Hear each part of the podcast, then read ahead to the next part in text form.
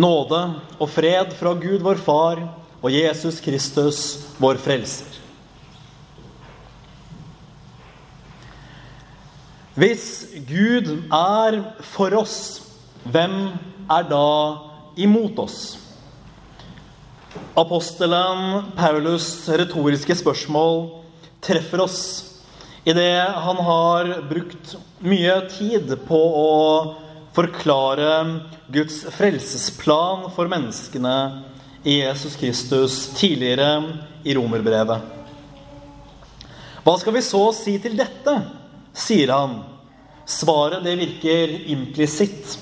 Det er ingen som er imot oss, nettopp fordi Gud er for oss. Hele teksten som Grete leste fra romerbrevet, og som er satt som dagens prekentekst, utbroderer dette videre. Hvem vil anklage Guds utvalgte? Hvem vil fordømme? Hva og hvem kan skille oss fra Guds kjærlighet i Jesus Kristus? Hele veien er svaret klart. Ingenting. Herren har utvalgt og rettferdiggjort oss. Da kan ingenting stå imot den kristne. Likevel kan vi ikke stoppe der. Det hadde jo vært enkelt. Men til tross for dette som apostelen skriver så trøstende til oss, så har vi en erfaring av at det er faktisk mange som er imot oss.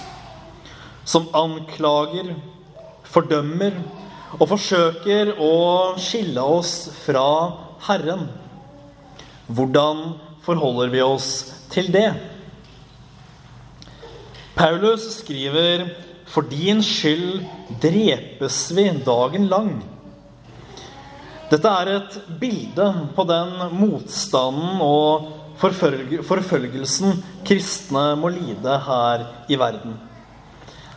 Det kunne jeg sagt mye om, men når det kommer til dette med anklagelse og fordømmelse, så er det to som særlig er våre store motstandere, djevelen og vår egen samvittighet. De anklager oss som de verste av syndere, som noen som står utenfor fellesskapet med Gud, som noen det ikke finnes gram av godt i. Og vet dere, de har faktisk rett. Grunnen til dette er at vi anklages på bakgrunnen av Guds lov. Det er loven, eller de ti bud, hvis vi skal være konkrete, som er den målestokken vi prøves etter. Vår himmelske Fader, han har skapt alle. Og enten vi liker det eller ikke, så lever vi under hans herredømme.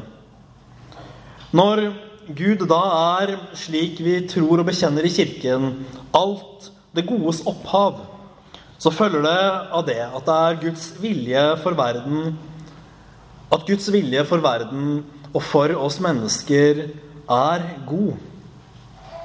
Gud er suveren og har en vilje. Og denne viljen har han vist oss i Den hellige skrift. Guds vilje er kort fortalt at vi skal leve hellige og gudfryktige liv. At vi skal elske Gud og våre medmennesker, som jeg leste i innledningen til synsbekjennelsen. At vi skal gjøre godt og tenke godt og alle slike ting. Men gjør vi nå egentlig det? Kan noen her med hånden på hjertet si at man har holdt alle Guds bud hele livet? Alltid tenkt og handlet i tråd med det vi jo vet, fordi vi har lest at det er Guds vilje for oss? Svaret er naturligvis nei. Det skremmende her er at vi er ansvarlige overfor Gud. Vi er tenkende, fornuftige, selvstendige mennesker med fri vilje. Vi gjør som vi vil, og vår vilje er så altfor ofte ikke i harmoni med det som er Guds. Gud vil én ting, vi vil en annen. Gud vil at vi skal ære ham. Vi vil synde. Vi lever i opprør og forakt for ham som har skapt og elsket oss, og hver dag gir oss livet og alt det vi trenger. Dette får konsekvenser. Konsekvensen er at vi pådrar oss Guds harde vrede og dom. Hvem kan vel bli stående foran den hellige Gud med alt sitt opprør og sine synder? Kan du? Har du nok gode gjerninger å vise til, slik at du tror at du vil gå fri på bakgrunn av din egen godhet? Jeg vet med meg selv at det ville jeg aldri i verden klart. Så ser dere altså det, kjære menighet, at motstanderne er mange. Og blant dem er loven den fremste. Loven den krever av oss perfeksjon. På samme måte faktisk som en vanlig lov vi har her i Norge. Dersom du bryter en fartsgrense og slik pådrar deg straff, så hjelper det lite å unnskylde seg med at man aldri har stjålet. Hvilken dommer med respekt for seg selv ville slippe løs en morder fordi vedkommende stort sett ellers har vært snill? Vil du inn i himmelen på bakgrunn av at du er snill? Da må du tro om igjen. Dit slipper du ikke inn. Fordi djevelen over egen samvittighet anklager oss med rette vi har syndet mot Guds bud og pådratt oss den grusomme straff. Den evige død i helvete. Men hva skal vi da gjøre med alle disse motstanderne? Den første menneskelige refleks er å begynne å streve. Vi arbeider og strekker oss, forbedrer oss med flid for å bli hellige og fromme, så vi kan bli verdige til himmelen, men det fører oss jo ingen steder. Men hva er da apostelens poeng når han spør om hvem som er imot oss? Vi har jo åpenbart mange og harde motstandere som anklager oss med rette, med sanne anklager. Vi er syndere som fortjener straff. Apostelens poeng er at ingen av motstanderne kan bli stående. For alt dette jeg har sagt hittil i denne prekenen, det er lovens harde forkynnelse om Guds bud og straff, om djevel og samvittighet. Men dette er ikke enden på visen. Vi har den ene tingen å trøste oss til som Paulus også visste om evangeliet om Jesus Kristus. Da Jesus ga sitt liv på korset, så led han der i vårt sted. Korset var for deg og for meg. Det var der vi skulle hengt. I stedet for henger Gud der selv, av nåde og kjærlighet til oss mennesker. Det Jesus gjør med sin død og oppstandelse, er å ta på seg alle våre synder og straffen for dem. Alle de konsekvensene jeg nevnte tidligere, som virket brutale, harde og nådeløse, tar Jesus selv på seg, så vi skal gå fri. Dette er evangelium. At når vi tror at vi for Jesus skyld er forsonet med Gud, at alt er satt i sin rette stand, så får vi full forlatelse for alle våre synder. Særlig vanskeligere enn dette er det ikke. Jesus har tatt på seg straffen. Vi trenger bare å tro at dette er for vår skyld, at han døde. Å tro på Jesus betyr altså ikke bare å tro at han levde, eller at han var Gud. Det er nødvendigvis viktig, men ikke selve saken.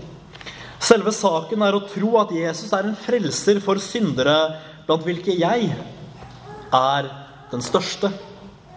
At han er nådig og kjærlig, synderes venn som dør for oss, så vi skal ha liv.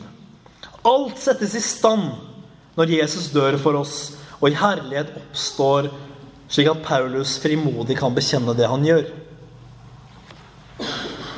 Når Gud ikke sparte sin sønn, men gav ham for oss alle, hvem vil da anklage oss? I troen på Jesus blir vi rettferdiggjorte. Det betyr at vi regnes som rettferdige og ikke syndere i dommen. Vi går fri. Hva vil vel da djevelen med å true oss med helvete? Dit skal vi ikke. Vi er renset med Herrens blod det han utgjøt på korset. I dette har Gud utvalgt oss. Hvem kan da anklage og fordømme? Hadde vi hatt dette på bakgrunn av vår egen flid og vårt strev, da hadde det ikke vært verdt noe som helst. Men Gud er den som gjør alt dette i oss og for oss. Når vi ser på loven, og vi ser vår synd, når vi anklages og fordømmes på bakgrunn av den, av djevelen og vår egen samvittighet, da skal vi bare peke på korset. Ingen kan anklage oss. De vil peke på oss. De vil peke på deg, de vil peke på meg, og de vil si 'se en synder' med sin pekefinger. Men vi peker videre på korset og sier 'se der Guds lam' som bærer bort verdens synd. Han er vår rettferdighet, ikke oss selv. Han dekker oss med sitt blod. Og det blir klart at når vi tilhører Kristus, da kan ingen av våre motstandere bli stående. Så er altså ikke poenget at vi ikke har motstandere, men at ingen av våre motstandere kan bli stående imot oss, fordi Gud er for oss og har gitt sin sønn i døden for oss.